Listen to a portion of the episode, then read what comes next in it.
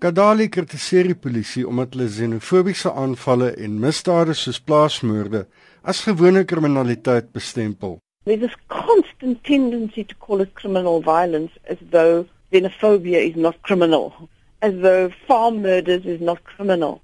But you have to identify what they are so you can put dedicated education and training and resources into that.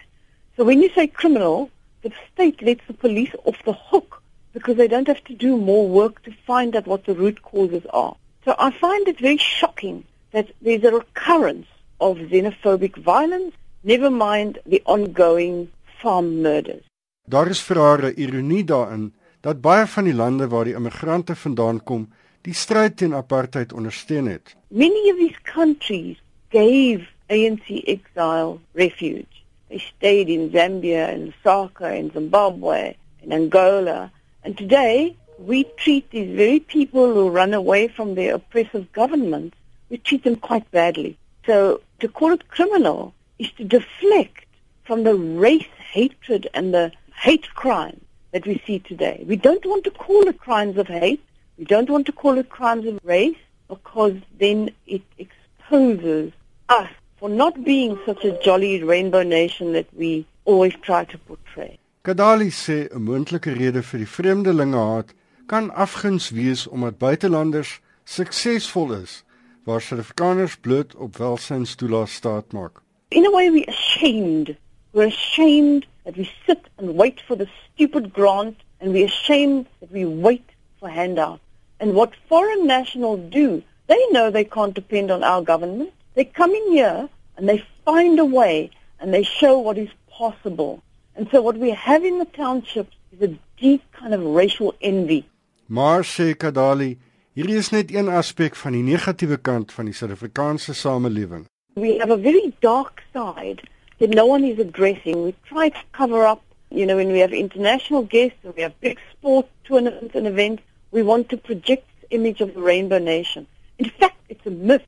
We have to deal with our dark side and it's this dark side that is destroying South Africa. And it surfaces now and again. It surfaces through xenophobic violence. It surfaces through Marikana.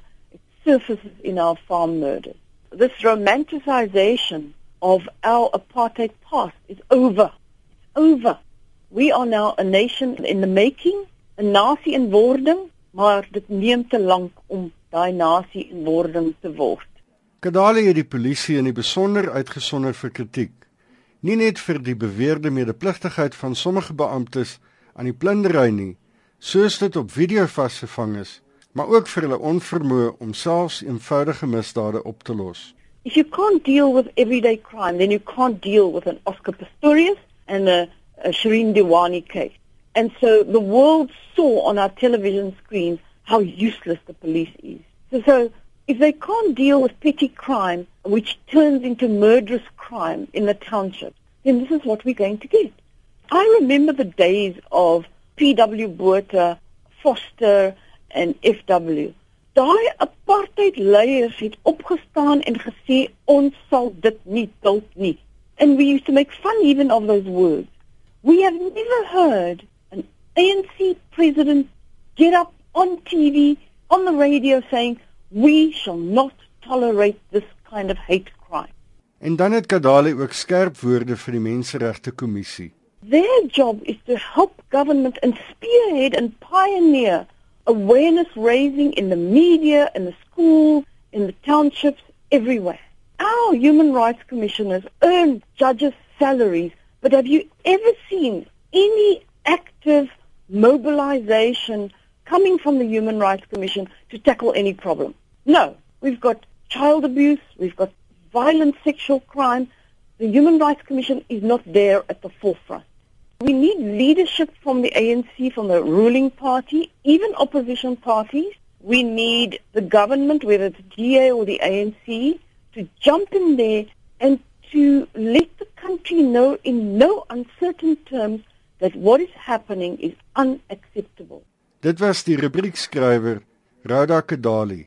Hierdie bydraes met die hulp van kollega Melissa Tuggie saamgestel en ek is Hendrik Martin in Johannesburg.